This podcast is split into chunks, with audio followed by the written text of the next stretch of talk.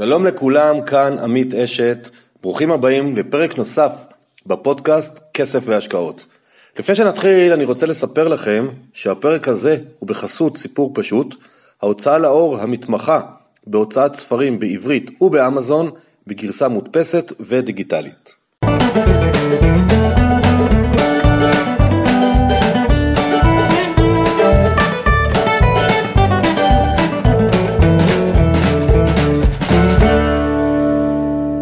שלום לכולם, זה עמית, ברוכים הבאים לפרק נוסף של הפודקאסט כסף והשקעות. תודה שבחרתם להקשיב לנו. אה, משמח אותי מאוד לראות את כמות המאזינים שממש גדלה והולכת, והתגובות שלכם, זה נותן חשק להמשיך. והיום איתי שרון מוזס ביטון. שלום שרון. אהלן. אז שרון היא משקיעת נדל"ן ומנטורית השקעות נדל"ן לנשים בדרך ליצירת ביטחון ועצמאות כלכלית. ובחרתי לראיין אותה גם לדבר על נדל"ן, אבל לא פחות מזה לדבר על נשים וכסף. כי מי שמכיר את הפודקאסט לאורך הפרקים, אני מנסה לאזן בין מרואיינים למרואיינות, ואני מתקשה להשיג נשים שרוצות לדבר על כסף.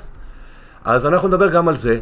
ושרון, אז בואי נתחיל, תספרי לנו קצת על הרקע שלך, איך הגעת לכסף, להשקעות, נדל"ן. אוקיי. אמ, האמת שבאתי מעולם אחר לגמרי, לפני שבכלל הגעתי לעסוק בנדל"ן. וזה אני יודע, לכן אני רוצה שנספר, כי אנחנו בפודקאסט נותנים השראה גם לאנשים, לעשות שינוי אם אז צריך. מדהים, מדהים, כי זה באמת היה שינוי מקצה אל קצה שעשיתי. אמ, כשהתחלתי אמ, ככה להיכנס לעולם האקדמי וזה, אז אה, נדל"ן היה כאילו משהו שחשבתי עליו ושללתי אותו לחלוטין. אה, והחלטתי ללכת לכיוון של אה, פסיכולוגיה, בסוף למדתי קרימינולוגיה קלינית, צריך להיזהר. עם תואר שני, כן. ועבדתי בכלא במחלקה פסיכיאטרית סגורה, עשיתי אה, הערכות מסוכנות מינית לעברייני מין, סרטים, כן? אה, ותחום מלא מלא מלא משמעות, מלא מלא ערך חברתי, מלא מלא סיפוק, אבל אה, לצערי הרב אה, פרנסה הייתה בו ממש ממש מעט. ואחרי בערך שלוש שנים בתחום, אה, היה לי ממש קשה להמשיך. גם הייתי בהיריון, וככה יצאתי לחופשת לידה. לידה ראשונה. לא, זו הייתה השנייה. לשרון יש ארבעה ילדים. כן. אה, זה חשוב לי עוד פעם לנשים שמקשיבות, שתראו איך מתגלגלת קריירה גם אם יש ילדים. קודם כל, אני חייבת להגיד משהו בהקשר הזה בשביל נשים. כל אחת ואחת מהקפיצות העסקיות הגדולות שעשיתי הייתה בעקבות לידה. כולם. תמיד במהלך חופשת לידה, בחופשת לידה הראשונה עשיתי את התזה שלי, שלא לפני כן לא הצלחתי לסיים אותה. בחופשת לידה השנייה יצאתי לעצמאות. לעצמאות אה, עסקית, וכל אחת מהחופשות לידה בעצם הביאה איזושהי קפיצה עסקית בעסק, התפתחות, עשייה של משהו חדש, לימודים, ממש ככה. גם עכשיו, מה שאנחנו נדבר עליו, שזה נדל"ן נשי, שזה העסק החדש, הקמתי אותו בחופשת הלידה של הילדה הרביעית שלי. זה לא היה מתוכנן, זה ככה קרה, וכנראה רגע, ככה זה אה, צריך לקרות. זה כל כך מרגש, אז אנחנו צריכים אה, לחזור, אני הפרעתי לך עם האסוציאציות שלי. כן, כן, אז היינו. כשאין פרנסה מספיק טובה כקרימינולוגית בכלא. כן, לגמרי. בעלי היה, היה. סטודנט במכון ויצמן, אז כאילו גם המשכורת שלו הייתה שכר שהוא מלגה בעצם, והיה רק בתחילת הדרך. בקיצור, הבנתי שאם אני חוזרת לעבוד, אז כל המשכורת שלי הולכת למעון. ואי אפשר היה להמשיך אה, להתקיים כך. ונדל"ן כן היה משהו שתמיד אהבתי. היה לי בהתחלה אה, רתיעה מזה בגלל סיפורים משפחתיים שהיו ברקע, אבל כשהבנתי שזה מעניין אותי ושאני רוצה ככה לראות איך אני יכולה להשקיע בנדל"ן בשביל לייצב את המצב הכלכלי של המשפחה, אז אמרתי, אוקיי, אז אני אלך ללמוד השקעות נדל"ן. אימא שלי אדריכלית, בבית תמיד דיברו אצלנו נדל"ן, אני זוכרת אותה יושבת על תוכניות של בתים שבמשך שעות, בלילות הייתי צובעת לה גרמושקות, כאילו, זה משהו שאהבתי תמיד, להתעסק עם נדל"ן. והלכתי ללמוד השקעות נדל"ן, איפה ומהלך... למדת? אני חושבת שזה היה הקורס הראשון שהיה קיים בארץ, היה מכללת קשפלואו, אז היא הראשונה הראשונה ש... שפתחה. אה, ו... ופשטה רגל. ושם למדתי, מה? ופשטת רגל אחרי כמה שנים. כנראה, אני אבל, יודע, אבל אני- למדתי טוב. היה להם מרצים טובים. כן, כן. למדתי אצל אילן מיכאלי, שזה שם מוכר בתחום. אה, ו... על איזה שנה אנחנו מדברים? בערך. 2008, 11 שנים בערך. כן. אנחנו- היום אנחנו מקליטים באוקטובר 19. כן, אוקיי. 2008, משהו כזה, כן. אמ, זה היה כשהתחלתי ללמוד השקעות נדל"ן, משהו כזה, כן. זהו, ואז התחלתי ללמוד והתחלתי לעשות אה, לביתי. המ- המטרה של זה הייתה באמת לעשות, אה, להשקיע בשביל אה, לייצר למשפחה יציבות רגע, רגע, כלכלית. קופצת קצת מבחינתי, אז אני רוצה אה, לעצור רגע, כי את הזכרת מקודם שהייתה לך רתיעה. כן, ואחד הדברים שהרבה מאזינים, אני יודע, כן. אה, יש אלפים, אז אני לא מכיר את כולם, אבל אני רואה נכון. תגובות, נקודה שיש ממש רתיעה. חשובה, ממש איך חשובה. הצלחת לקחת את אימא צעירה, אה, בעל... בחופשת אקדמ- לידה עשיתי את זה, דרך אגב. הבעל אקדמאי, אבל אין לו זמן אה, אין לו. להתעסק עם הוא זה. היה באמצע לימודי תואר שני, איך מתגברים. על כן. הרתיעה? וואי, תקשיב, אני אגיד לך מה. אמ, אחרי שהתחתנו נשאר לנו סכום כסף קטן מאוד מאוד מאוד. לא באנו, אף אחד מאיתנו אה, לא נולד עם כפית של כסף בפה, למרות שאימא שלי התעסקה בנדל"ן, לצערי החיים הובילו אותנו למקום שלא היה כסף כמעט אה, לעזור לנו בתחילת הדרך שלנו כזוג צעיר. ואני ככה, היה לי, הייתי שבויה באותה קונספציה ששבויים רוב הזוגות הצעירים שמתחתנים צריך לקנות דירה, כי זה הביטחון שיהיה לנו, בוא נקנה דירה, שיהיה לנו איפה לגור. ו... והלכנו וחתמנו זיכרון דברים על איזושהי דירה, אני זוכרת בשכונת רחובות ההולנדית, ו... ו... וזה הכריח אותנו להתחייב למשכנתה של 30 שנה לאיזה דירת שלושה חדרים, שביום אחרי שחתמנו את הזיכרון דברים הזה, בעלי כל הלילה לא, לא ישן, היה לו התקף חרדה ממש, הוא היה בהיסטריה, ואמר לי, שרון, אנחנו לא יכולים לעשות את זה. אנחנו לא נצא מזה בחיים. אני לא יודע כמה יכול, כושר ההשתכרות שלי יהיה כסטודנט, אני לא יודע לאן זה יתפתח. את, המקצוע שלך בקושי, את מרוויחה בו משהו. איך אנחנו עושים את זה לעצמנו? למחרת הלכנו וביטלנו את העסקה ואמרנו, מחשבים מסלול מחדש. הלכתי וקניתי את הספר אבא עשיר, אבא עני. ושם נפתח הראש. ואני אומרת את זה גם לתלמידות שלי. תתחילו בזה, תתחילו בלקרוא, תתחילו בלקבל השראה, תתחילו בלהבין שיש דרך אחרת בלשנות את צורת החשיבה, בלצאת מהאמונות האלה שמגבילות אותנו, מהדברים שגורמים לנו כל הזמן לעשות אותו דבר, מה שכולם עושים, מה שמצפים מאיתנו, ובעצם לקבע את עצמנו כל הזמן באותו מקום, ולסנדל את עצמנו לכל החיים, מה שנקרא. פשוט יצאנו משם, והתחלנו לקרוא ספרים, והתחלנו לשנות את שותף- צורת החשיבה. הוא היה שותף ב- ב- ב- כן. ב- בלימוד, כי זה אחד הדברים שאני רוצה, עוד פעם, אנחנו קופצים קצת, אבל זה בסדר לי. כן. אה, עד כמה ההחלטות מתקבלות ביחד בהשקעות? כן. אה, או שאת לקחת את האחריות, הוא סומך עלייך ואת מעדכנת אותו, כי יש על זה הרבה שאלות ודיונים. לגמרי. קודם כל, אני חייבת להגיד שכשזה עובד ביחד בתוך הזוגיות, זה תמיד הכי הכי טוב, וזו בעצם השאיפה. ואני אומרת את זה גם היום לנשים שאני מלווה אותן. זה, השאיפה היא כן, אם יש לכם זוגיות וזוגיות טובה, לעשות את הדברים ביחד בהחלט, לקבל החלטות ביחד, מתוך שיתוף, מתוך זה שמעריכים אחד את השני, מתוך זה שאנחנו רוצים. להיות במוד של הסכמה, וששנינו אה, נרצה, נראה את הדברים מתקדמים לטובה, ונדע ששנינו תרמנו לתוך העניין הזה. אבל אם חלילה דברים לא קורים ככה, זה לא אומר שאי אפשר לעשות. היו לנו מצבים שלפעמים אני חשבתי אחד והוא חשב אחרת. אה, ואז מה, כאילו, ואז הסתכלנו, הסתכלנו, ניהלנו דיון. אה, ניהלנו דיון, פשוט מאוד, ואיפה שההיגיון היה לטובתי, מה שנקרא, אז אני התקדמתי. ואיפה שאני ראיתי שהוא, יש דברים, אז, אז הלכתי איתו. היום אנחנו מקבלים החלטות ביחד, כמעט בכל הדברים, אבל כיוון שאני עוסקת בנדל"ן, אז אני תמיד מובילה את המהלכים. אני מביאה את העסקאות, אני בודקת את השווקים, ואני מביאה, וכמו שאני מביאה את זה לאנשים אחרים שהם משקיעים, אז אני, גם עם בעלי, אני מתייחסת אליו כאל אחד המשקיעים, ואני באה ואומרת לו, תשמע, הנה עסקה טובה, תראה מה ראיתי, עשיתי מחקר שוק, גיליתי. בוא ניכנס לשם. ברוב המקרים הוא זורם איתי, כי הוא כבר מכיר את החומר ומכיר את היכולות שלי, אבל אם פתאום משהו לא נראה, אין לו בעיה לשאול את השאלות ולהטיל ספק, וזה בסדר לגמרי, כי ככה זה גורם גם לי להבין יותר ולשאול את השאלות שצריך לשאול. ומבחינתי זה מעולה, כי אני הרבה פעמים אומר לזוגות שבדרך כלל בכל תא משפחתי יש אחד או אחת שמובילים, נכון? והשני חשוב שהוא יהיה שותף, אבל uh, לנשים שבמאזינות, אז תראו, זה בהחלט uh, בסדר גמור להוביל, לא תמיד הגברים יודעים יותר. אני רוצה ו... להגיד פה משהו ממש חשוב בהקשר הזה. אני אה, פוגשת אה, המון המון המון נשים שמגיעות אלינו לנדל"ן נשי ואומרות, כל כך הרבה שנים רציתי לעשות ולא עשיתי. ואם אז לפני 20 שנה הייתי עושה את העסקה ההיא, היום היינו במקום אחר לגמרי כלכלית. אבל, ואז אני אומרת לה, ולמה לא עשית? כי הוא לא רצה, כי הוא לא האמין, כי הוא לא שמח. לי הייתה, הן אומרות לי, אני ראיתי, הייתה לי את האינטואיציה, ידעתי שזו עסקה טובה, ולא עשינו אותה כי הוא לא שיתף פעולה, כי הוא לא רצה. ואז אני אומרת לה, למה לא לקחת מושכות? כי אם הוא לא רוצה, אז אני לא אעשה. כי לא שמחתי על עצמי מספיק. לא לקחתי את היוזמה לשכנע אותו.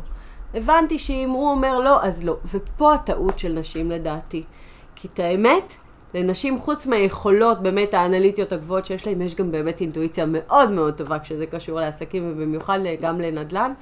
והמון המון נשים רואות את העסקאות הטובות ולוקחות צעד אחורה ונותנות לבן זוג להוביל, וזה חבל, כי אם היו לוקחות את המושכות, באמת היו יכולות uh, לצמוח ולפרוח ו- ולהצליח מאוד. ו- וזה באמת אחד הדברים שאנחנו מנסות לעשות, להגיד להם, קחו את המושכות. אז בואי נמשיך מהנקודה הזאת. אה, למה לדעתך נשים פחות מתעניינות? כמו שאני אמרתי בהתחלה, קשה לי למצוא מרואיינות. נשים, אה, עכשיו אני, אפשר להגיד את זה כי גברים שולטים וזה, אבל אני לא חושב, אני חושב שהיום, בדור של היום, המאזינים שלנו לדעתי הממוצע גיל הוא בין 30 ל-40 הרבה, זאת אומרת זה כבר דור אחר, זה לא דור ההורים כן. לצורך העניין, שאולי היה יותר היררכיה. מה, מה עוצר את הנשים? כי את רואה הרבה נשים, את מנסה לגרום להם הרי אה, להיפתח. נשים מתעוררות בגיל מאוחר יותר. היום זה מתחיל להשתנות, לאט לאט את הצעירות מתחילות להתעורר, אבל המציאות היא שרוב הנשים מתעוררות בגיל מאוחר. אני אסביר לך מה. בגיל צעיר, הם עדיין לא במקום של... אה, להסתכל על עצמן כ... מה זה גיל צעיר? רק תסבירי לי, אני לא יודע מה זה בשבילך גיל צעיר. אה, חמש או... לא, לא, לא, לא, לא, לא, בשנות ה-20, בשנות ה-30 אוקיי. לחייהם. אה, אה, הם עדיין לא במקום של להסתכל על זה שהאחריות שלהן היא לבנות לעצמן את העתיד הכלכלי. הן מסתמכות על הנושא של זוגיות, הן מסתמכות על, על בעצם על זה שלאט לאט עם החיים הם, הם יגיעו לשם. ובגלל לא, זה הן גם לא לוקחות את המושכות. הן אומרות, אוקיי, אנחנו נקנה דירה ביחד, אוקיי, אנחנו נתקדם עם השנים, נחסוך כסף. הן לא מסתכלות על האפשרויות האחרות. מתי זה קורה להן? כשהן צריכות. כשהן נשארות לבד, או כאשר, אה, זאת אומרת, חס וחלילה אם יש גירושים, או נשים שמוצאות עצמן ללא זוגיות והן אה, מביאות ילדים לבד כאימהות יחידניות. אמ, או כאשר הבן זוג לאורך הרבה מאוד שנים, 20 שנה, היה רדום, והן מבינות שכבר ממנו לא תבוא ישועה והן צריכות להתחיל לנוע, והן מתחילות להסתכל קדימה והן רואות שהמציאות לא משתנה. שהן עדיין במקום של הישרדות, שעדיין הן לא יכולות להגשים את החלומות שלהן, שעדיין הן צריכות אה, לעבוד קשה, ואז הן מתחילות להתעורר. אה, ולכן חתך הגילאים הוא 40 פלוס, אה, ואפילו יותר מבוגר. היו לי גם תלמידות בנות 70 ש... ו... ובנות 60 שאומרות, וואי, אין לי פנסיה. פתאום הן מתעוררות ואין מספיק פנסיה. אז רגע, בואי בוא, בוא כן. נתקדם עוד צעד אחד באותו, באותו נושא. ואני אשאל אותך אם את יכולה לתת דוגמאות האינטואיטיביות שעולות לך, שלוש, שתיים, ארבע דוגמאות על אמונות מגבילות שנשים שמות על עצמן, ואיך את עוזרת להם לצאת מהן. או אם אפשר לתת תרגיל ככה למישהו לעשות בבית אפילו, אבל איזה אמונות את מרגישה שחוסמות, ובואי ננסה להפריך אותן. אוקיי. Um... אני, אני חושבת שאחד הדברים הכי הכי אה, הכי הכי אה, בולטים שאנחנו נתקלות בהם זה... אני רק רוצה לסיים את המשכנתה. דרך אגב, גם לגברים יש את זה, זה לא רק לנשים. אנחנו רק רוצים לסיים את המשכנתה שלנו. בואו נסיים את המשכנתה, אנחנו לא רוצים לקחת הלוואה, אנחנו לא רוצים שיהיה לנו שום חוב, נסיים את המשכנתה וזהו, זה מה שיש לנו. עכשיו, מי שמבין קצת בכסף ומבין מה, מה, מה, מה, מה אומר מחיר הכסף, מה זה מחיר הכסף ומה המשמעות של מינוף, יודע שכשיש לך נכס והנכס שלך לא ממונף בשום דרך, אתה לא לוקח הלוואה עליו, וכל הכסף נמצא וסגור בקירות, אז אתה בעצם עושה לעצמך עוול, כי הכסף הזה שלך, הבית שווה, ואנשים יושבים על בתים ששווים מיליונים. עכשיו, למה הם לא רוצים לקחת משכנתה? כי הם מפחדים. זה עניין של פחד. זה יושב על מקום של פחד. לא, אני לא רוצה ש... שיהיה לי חובות, לא, אני לא רוצה להצטרך לשלם לאף אחד שום דבר. כאילו, ה... לימדו אותנו שניקח משכנתה פעם אחת בחיים ונסיים לשלם אותה וגמרנו אחרי השלושים שנה האלה ונצא לחופשי. אבל זה לא, אנחנו לא באמת יוצאים לחופשי, אנחנו עדיין נשארים עבדים של הבית שלנו. אמ, וכשאנשים מתחילים להסתכל, ובמיוחד נשים שנשארות הרבה פעמים לבד, ו... והן אומרות, רגע, אבל יש לי את הבית, אבל אני בקושי סוגרת את החודש. אז אנחנו אומרות לה, אבל הנה, הבית הזה יכול לעזור לך לצאת מהמצב. בואי נסתכל איך ממנפים את הבית הזה, כדי להגיע למה שאת רוצה, שיהיה לך עוד הכנסה, שיהיה לך להגדיל את ההון שלך. והמקום של לשחרר את הפחד הזה, זה המפתח. כי אחר כך להבין איך לעשות ומה זה לעשות טכני. זה טכני. לשחרר את הפחד מלקחת הלוואה. וכשמישהי באה ועושה את זה לבד, זה הרבה יותר מפחיד לה. אז, אה, אז זה האמונה המקבילה הכי גדולה שאת מרגישה? מאוד מאוד מאוד מאוד חזקה, כן, מאוד מאוד מאוד חזקה, של אנשים שמפחדות לקחת uh, משכנתה. Um, עוד דבר זה שנשים uh, מפחדות uh, לקבל החלטות בעצמן. Uh, הצורך הזה שתמיד להיות מסוגל, תמיד להתייעץ עם מישהו, זאת אומרת, אני לא מסוגלת לקבל את ההחלטה לבד. Uh, אם אין לי מישהו לידי, אה, שיגיד לי שמה שאני עושה זה נכון, אז עדיף לי לא לעשות. הן הולכות להמון המון המון יועצים, הרבה פעמים יועצים שהם לא יועצים ראויים. ואני תמיד אומרת להם, תמיד תבחני עם מי את מתייעצת. כי יש יועצים מקצועיים שיכולים לעזור לך. אבל יועצים הרבה פעמים יכולים להיות, היועצים שנשים פונות אליהם, הרבה פעמים יועצים ש... אנשים שקרובים אליהם, משפחה, חברים. אנשים שלא עשו את זה לעולם ושואלים אותם. אולי, כן, שהם אולי מאוד מאוד אוהבים אותם. אבל מתוך האהבה שלהם, מה שהם עושים זה מנסים להגן עליהם. ואז העצות שהם נותנים להם, הן לא עצות טובות בשבילם, הן לא עצות באמת שיכולות לקדם אותם. למה? כי הם לא רואים את המטרה. המטרה שלהם זה להגן עליהם, זה לא יצירת ההון או ההכנסה השוטפת. וזה הטעות, כשאת הולכת להתייעץ עם מישהו, את צריכה לראות שהוא רואה את המטרה שלך. אני רוצה להוסיף מה שככה הפרעתי לך בדרך. שהרבה פעמים אנשים מתייעצים עם אנשים שמגינים עליהם, שהם לעולם לא עשו את ההשקעה הזאת, לא משנה אם זה בשוק ההון או בנדל"ן. אז כולם פרשנים לפי מה שכתוב בעיתון, נכון. מה שההוא אמר לו, ולא נכון. מניסיון. ואז אה, העצות uh, לא בטוח שהן הכי נכונות. נכון, נכון, נכון. אז איך למשל את הפחד הזה, אני יכולה לקבל החלטה לבד. אז, אז, אז, אז, אז כל, את, את מציעה את עצמך כמלווה, ואז את אומרת, תסמכי עליי? קודם כל, שאיך... לא, אני לא אומרת לה, תסמכי עליי. יש... לא, אז, אז איך, אני... איך עוזרים לאנשים לשנות את ה... אז פחדים? מאוד מאוד פשוט. ידע זה כוח. מאוד מאוד פשוט. מי שיודעת, מי שמבינה מה היא עושה, היא יכולה לצאת מהמקום הזה. וזה לעבוד בשני מישורים במקביל. אחד במישור של הידע, של לצבור ידע, ורצוי ממישהו שעשה ויודע ויש לו הרבה ניסיון ויכול לתת לך כלים ולהדריך אותך. והדבר השני זה לעבוד במישור של התודעה. להשתחרר מאותן אמונות שתוקעות אותך, מאותם פחדים, להשתחרר מהמחשבה שמרבה נכסים, הרבה דאגות, שכסף זה אה, מביא צרות אה, וכולי וכולי. אוקיי? כל הדברים האלה שתוקעים אותנו, להשתחרר מהמקומות האלה, אה, שכסף הוא מקור כל רע, ושמי שיש לו כסף אז אה, השיג את זה במרמה, וש, ושכסף מנוגד לרוח, שמי שעוסק בעולם החומר אז הוא לא, אה, אין לו, הוא לא מחובר למקומות ערכיים יותר ורוחניים יותר, שזה ממש לא נכון. להשתחרר מהאמונות המקבילות האלה, ולדעת שאפשר לעשות גם את זה וגם את זה. ואחרי שרוכשים ידע, הדבר הבא שהוא סוד ההצלחה של נשים, אם ככה לתת פה באמת את סוד ההצלחה של נשים, וזה משהו שאנחנו אה, למדנו אותו תוך כדי עשייה, זה סביבה תומכת. סביבה תומכת נשית. סביבה תומכת נשית שמשקיעה בעצמה, נשים שבעצמן עושות, שמעוררות בך השראה, ובעצם עוזרות לך להרגיש בטוחה במה שאת עושה. ולא, לא, את לא חייבת באמת להיות שם לבד. כשאני אומרת לבד, זה לא באמת לבד, זה בסביבה נשית של נשים נוספות שעושות כמוך. אבל להקיף את עצמך בנשים שמעוררות בך השראה, בנשים ש, שנמצאות בעשייה, בנשים שנמצאות בהתפתחות אישית, בנשים שנמצאות בעשייה עסקית כל הזמן, ומשם לגדול. ולא צריך אה, להיות באמת לבד. זה שאין בן זוג שעושה איתך, או אין אה, יועץ אה, ממין זכר שעושה איתך, זה לא אומר שאת לא יכולה לעשות. את יכולה. תקיפי את עצמך בסביבה שתומכת, וזה סוד ההצלחה. האמת, זה סוד ההצלחה. לא, זה נשמע נורא פמיניסטי, ובתור נשואה עם ארבעה ילדים ונראית מאושרת, אז זה כאילו... לגמרי. לא, אז אני אומר, זה כאילו שהעולם הגברי הוא מוריד את הסיכויי ההצלחה של נשים, זה נשמע קצת הכללה, אותו לא ניכנס לזה, זה דיון כזה. תקשיב, זה בגלל שאנחנו מאפשרות להם. אין לי שום בעיה עם גברים. מה זה להם? אני... אני אוהבת גברים, אני אוהבת את בעלי, לכם, אנחנו מאפשרות לכם. אני אוהבת גברים, ואני אוהבת את בעלי, ואין לי שום בעיה עם זה, וזה לא העניין פה. העניין הוא שאנחנו מהר מאוד עושות צעד אחור ומאפשרות למישהו אחר לקחת את הפרונט.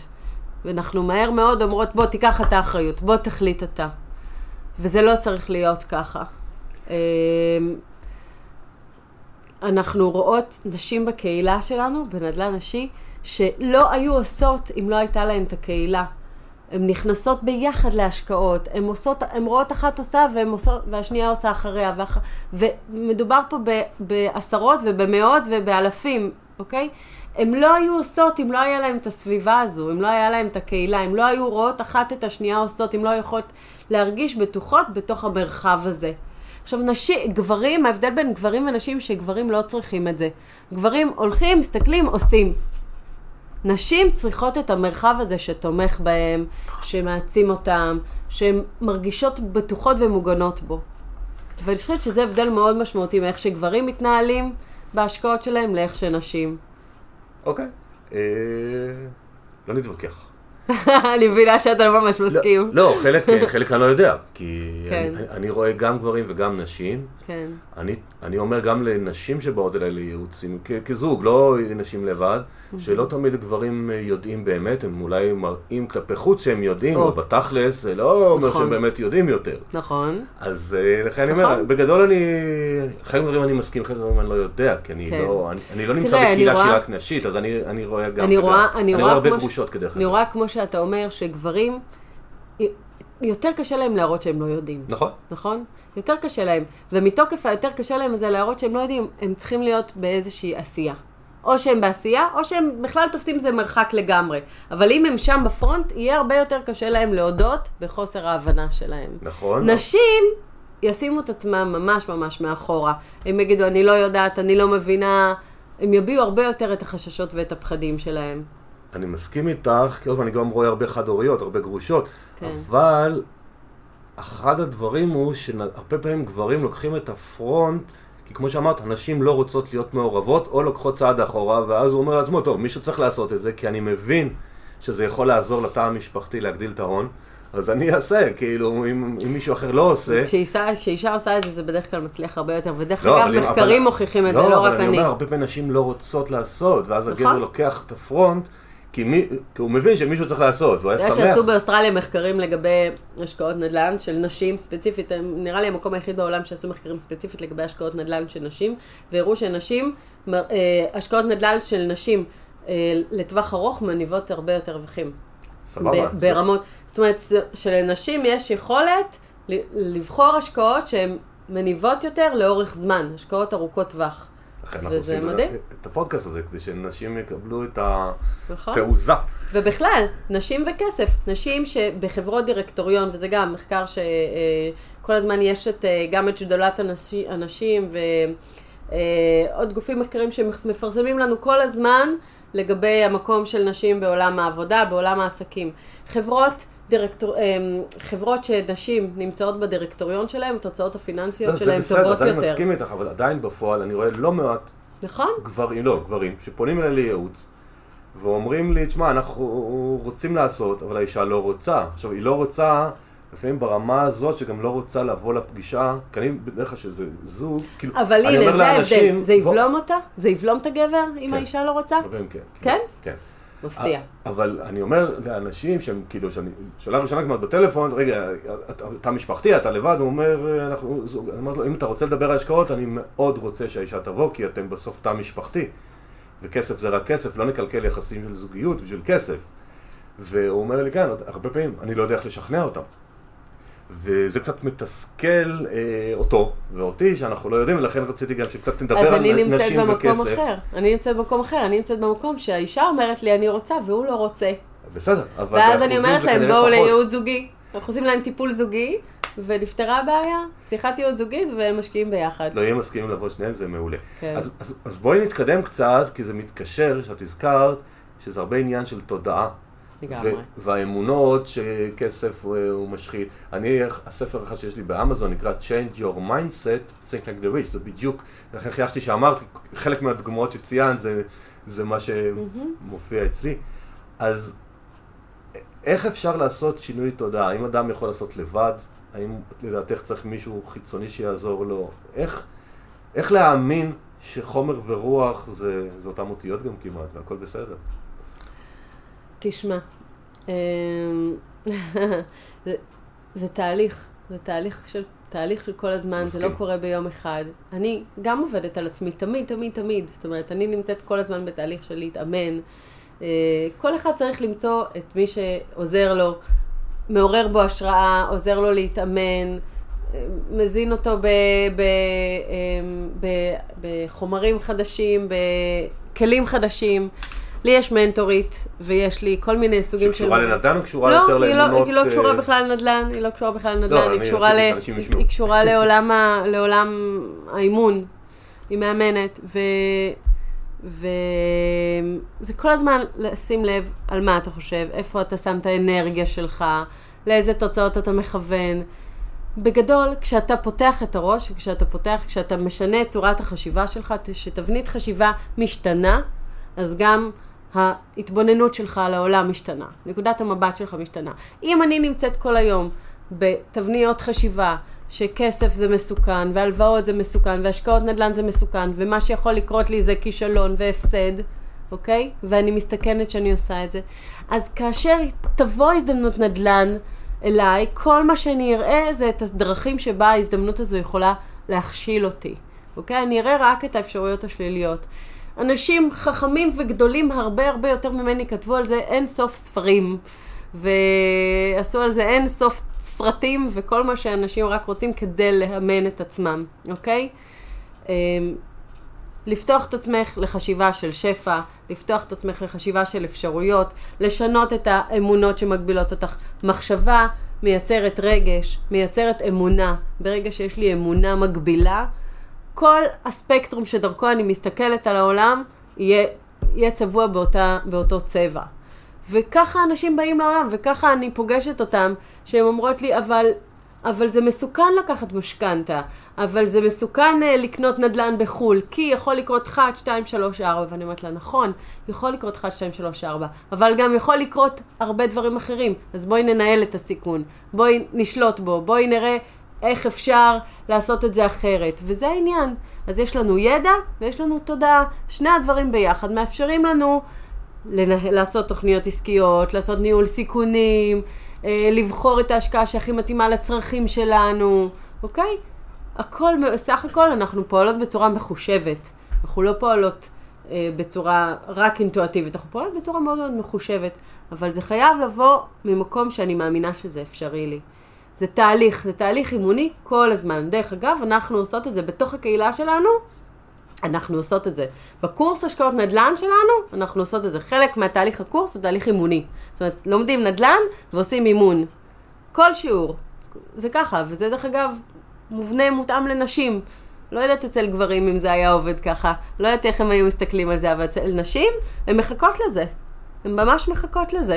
כי הן יודעות, זה מה אנחנו מדברות על מערכת היחסים שלנו עם הכסף, ואנחנו מדברות על אה, איזה תהליך קבלת החלטות, איך הוא נעשה, ואנחנו מדברות על מערכת אה, רגשית לעומת מערכת, אה, מערכת אמוציונלית לעומת מערכת הגיונית, ואיך אנחנו מקבלות החלטות, מערכת אוטומטית, על כל התגובות האוטומטיות שיש לנו, מה קורה לנו כשמישהו אומר לנו משהו, איך אנחנו מגיבות באופן אוטומטי, מה קורה לנו כשאנחנו חושבות על כסף, חושבות על הלוואות, חושבות על הוצאות, איך אנחנו מגיבות, לעומת תגובות אחרות שיכולות לקדם אותנו, יכולות לגרום לזה שאנחנו נאהב כסף, לאהוב כסף, לא לפחד להגיד אני אוהבת כסף, לגרום לזה שאם אני אוהבת כסף, אז בעצם חוק המשיכה אומר שדברים שאנחנו אוהבים, נהיה, אנחנו מצליחים להגדיל בחיים שלנו.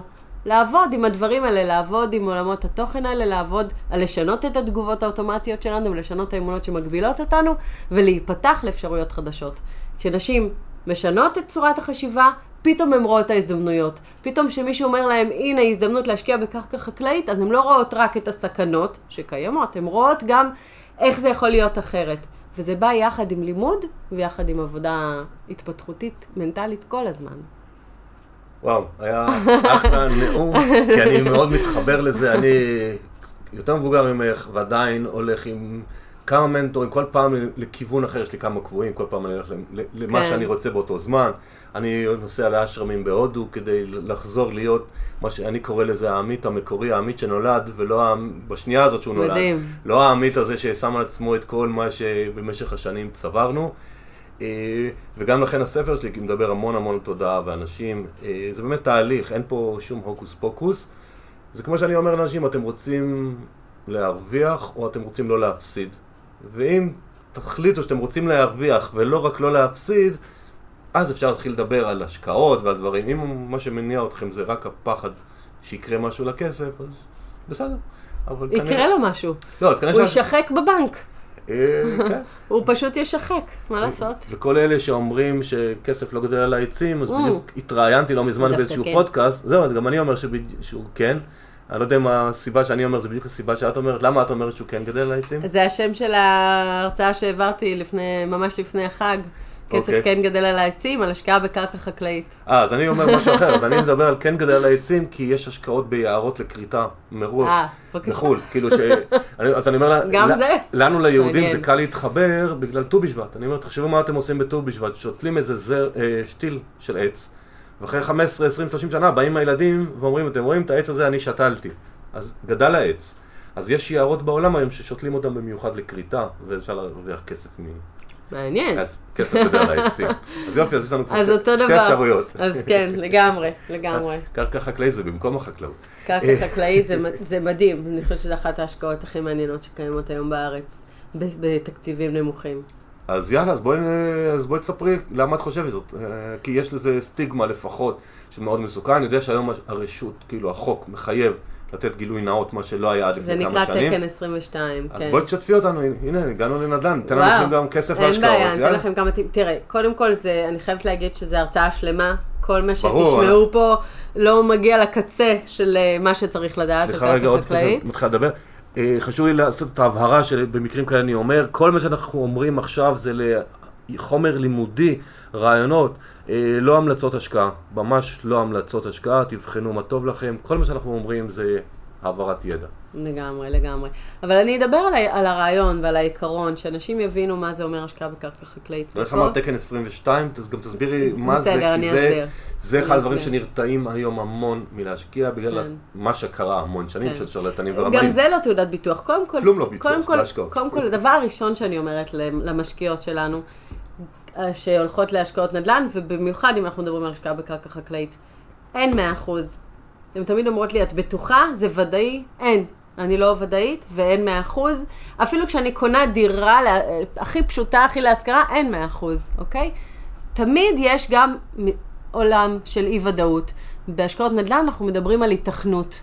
במיוחד כשאנחנו מדברים על קרקע חקלאית. מה מידת ההיתכנות? גבוהה, בינונית, נמוכה? ואז אני לוקחת את החישוב סיכון מול סיכוי. עד כמה שווה לי לשים שם את הכסף שלי? אם הסיכון הוא גבוה או נמוך.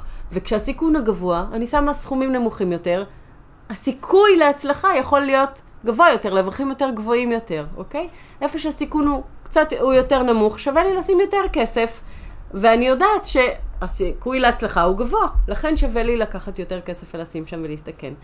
אבל חייבים להבין, אין מאה אחוז, אין ודאות, יש היתכנות, אוקיי? קרקע חקלאית היום בארץ זה אחת ההשקעות הכי הכי הכי מוצלחות וטובות, כיוון שהקרקעות במדינת ישראל הולכות ונגמרות. אני לא יודעת אם אתם מכירים את המספרים, אבל במדינת ישראל 92% מהקרקעות שייכות למינהל מקרקעי ישראל, אוקיי? ו- ובאחוזים שנותרו, באחוזים שנותרו יש עוד הרבה שטחים שהם קרקע של אימונים לצה"ל, שטחי אש, קרקעות שאי אפשר לגעת בהם. יש מאות אלפי דונמים שנותרו שהם קרקעות חקלאיות שהן בידיים פרטיות. זה ממש ממש מעט, אוקיי? עכשיו, הצפי של גידול האוכלוסין במדינת ישראל מדברים על זה שבשנת, אה, אה, נדמה לי, 2040, אנחנו הולכים להגיע לסדר גודל של 20 מיליון, אוקיי? עכשיו, אם עושים את החישוב, היום אנחנו נמצאים בתשעה מיליון. דרך אגב, הצפי שאנחנו נהיה בשמונה וחצי מיליון ב-2019, ואנחנו עלינו מעל המצופה, אוקיי? קצב גידול האוכלוסין היה מעבר למצופה, אוקיי?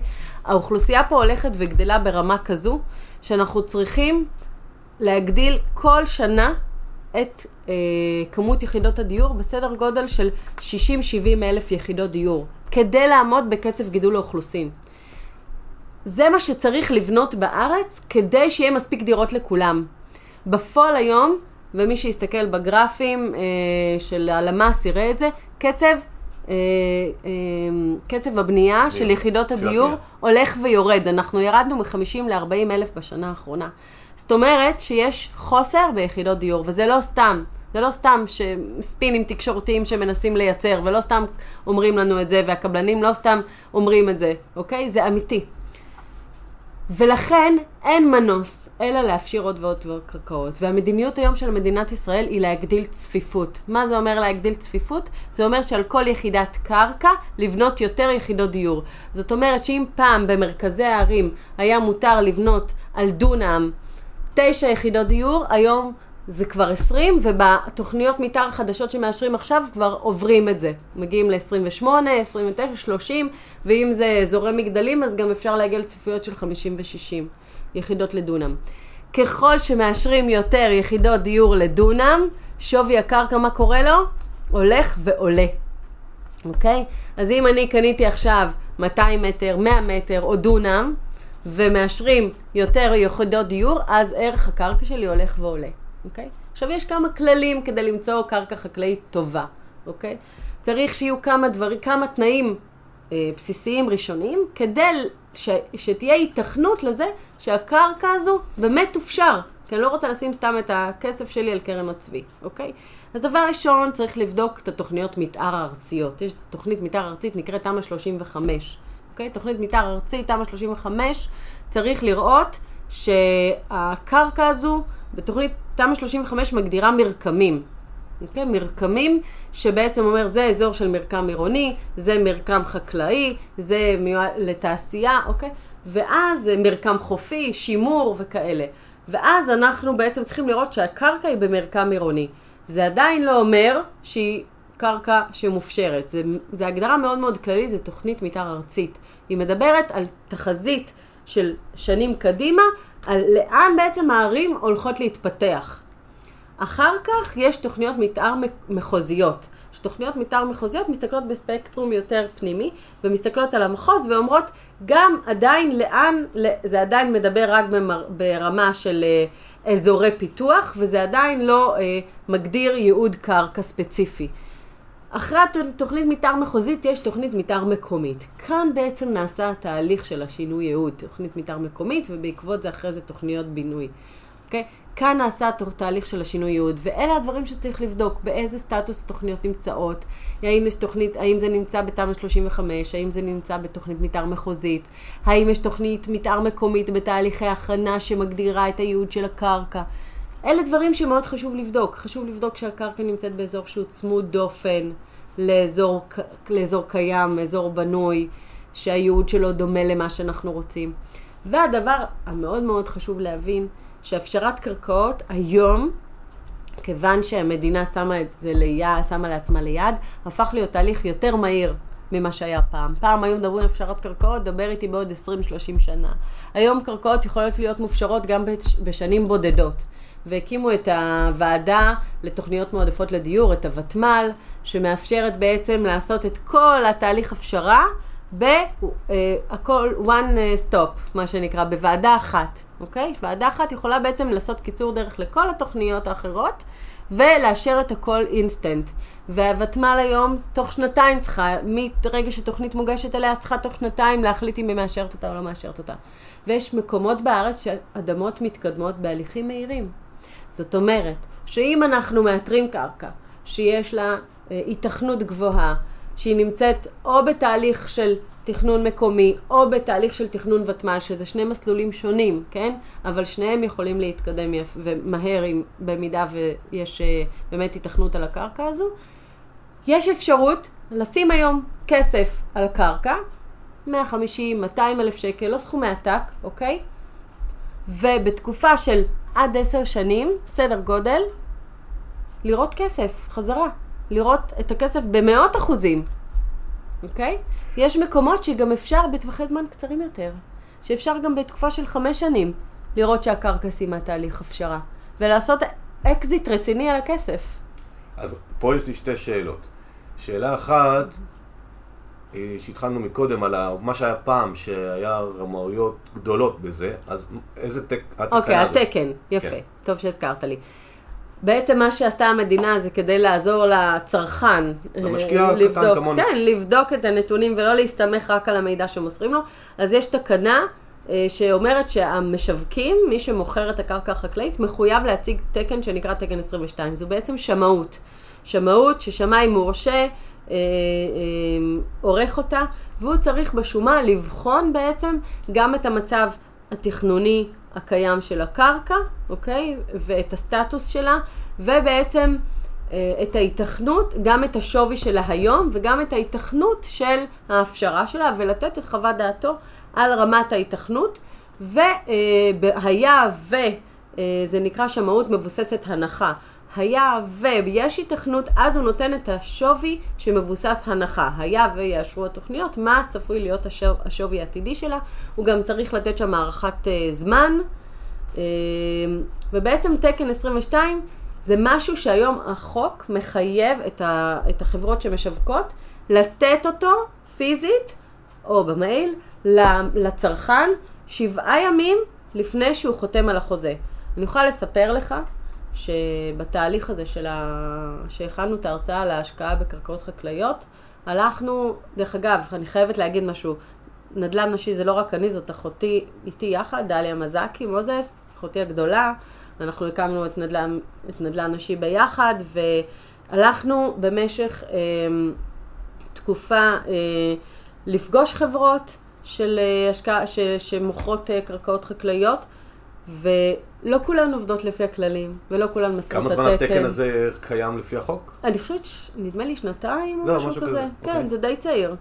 אה, לא כולן מוסרות את התקן, ולצערי גם נתקלתי בתקנים שלא הייתי מסתמכת עליהם. זאת אומרת, עדיין צריך לדעת לבדוק את הנתונים גם שקיימים בתקן.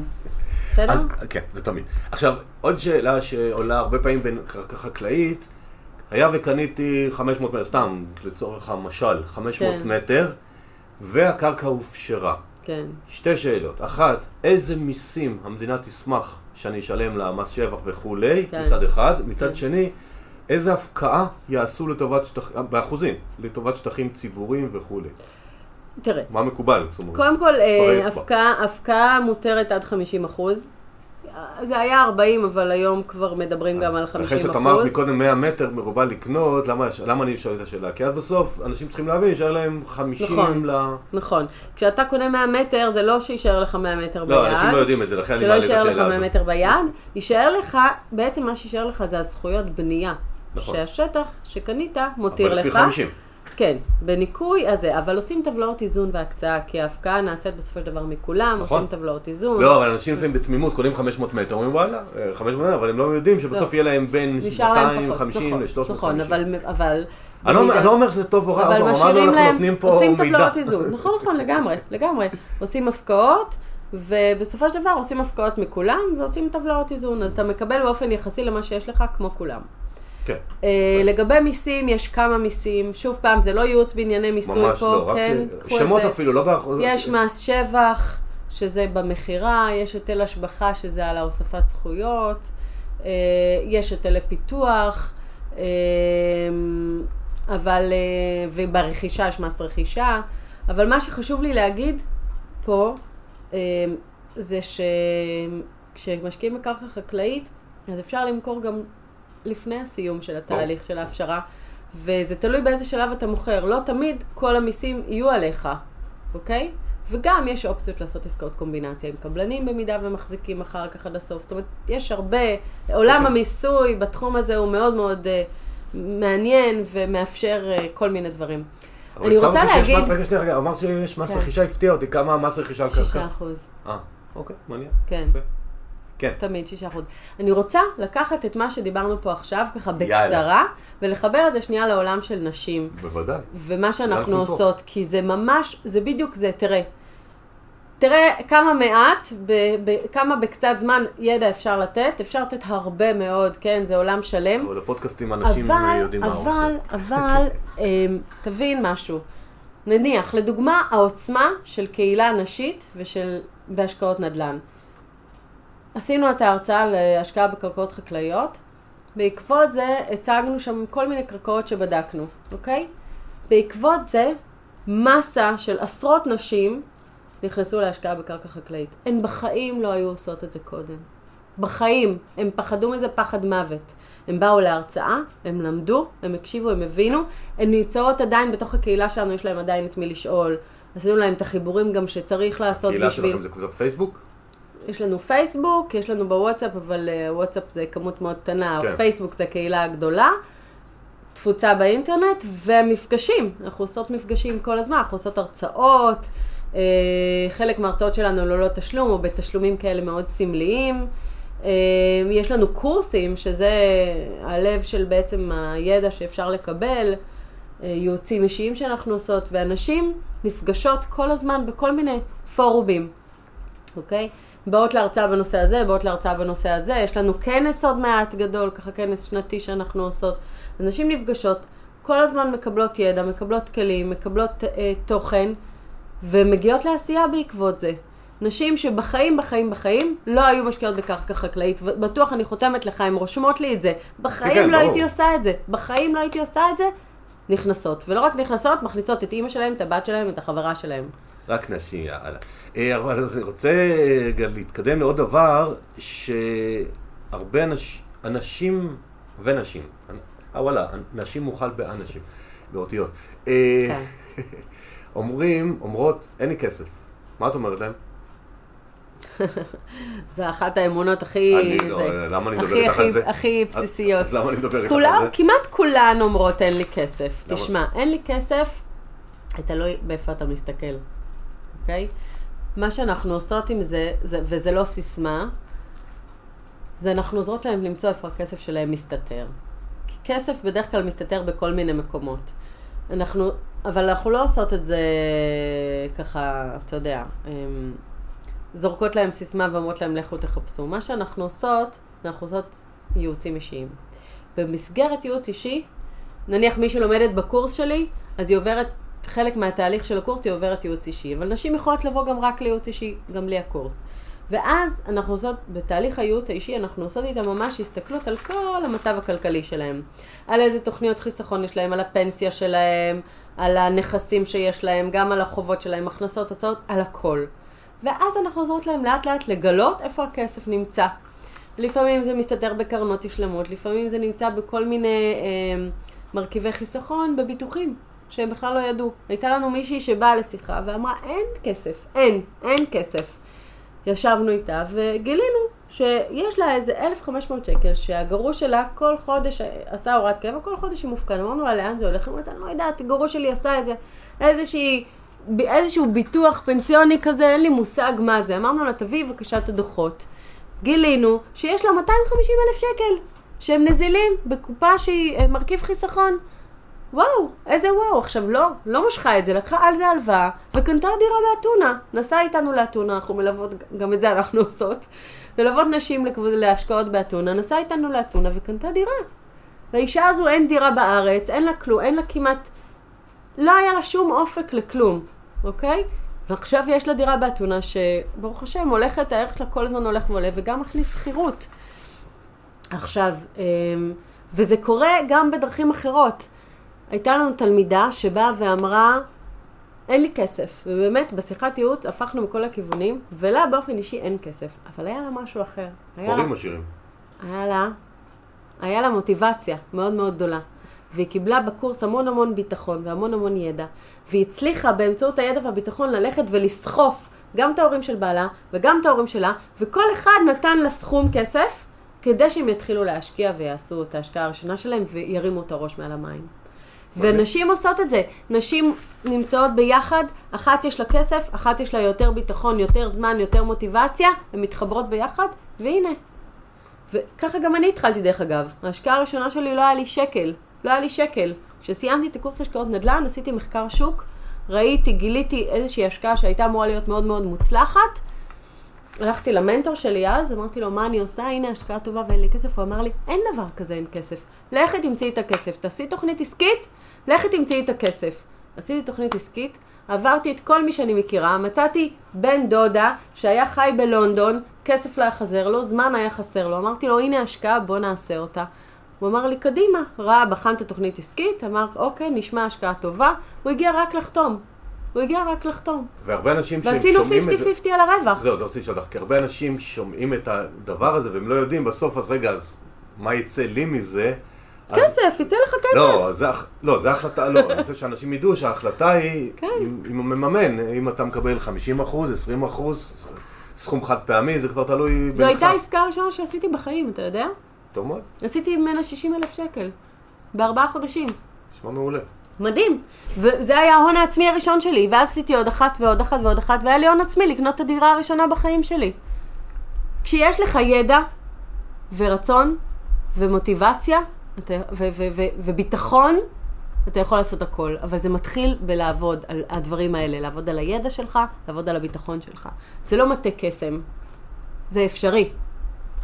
אז אנחנו ממש ככה מתחילים להתקרב לסוף, והמאזינים שלי יודעים, וזה אחד הדברים שאני מקבל פידבקים שנורא אוהבים, שבסוף פרק אני מבקש מכל מרואיין לתת שלושה טיפים פרקטיים שהמאזינים והמאזינות במקרה הזה ייקחו איתם. יכול להיות שדברים שכבר דיברנו עליהם, יכול להיות דברים שעוד לא דיברנו, ככה לארוז, יעני מה מחר בבוקר. אה,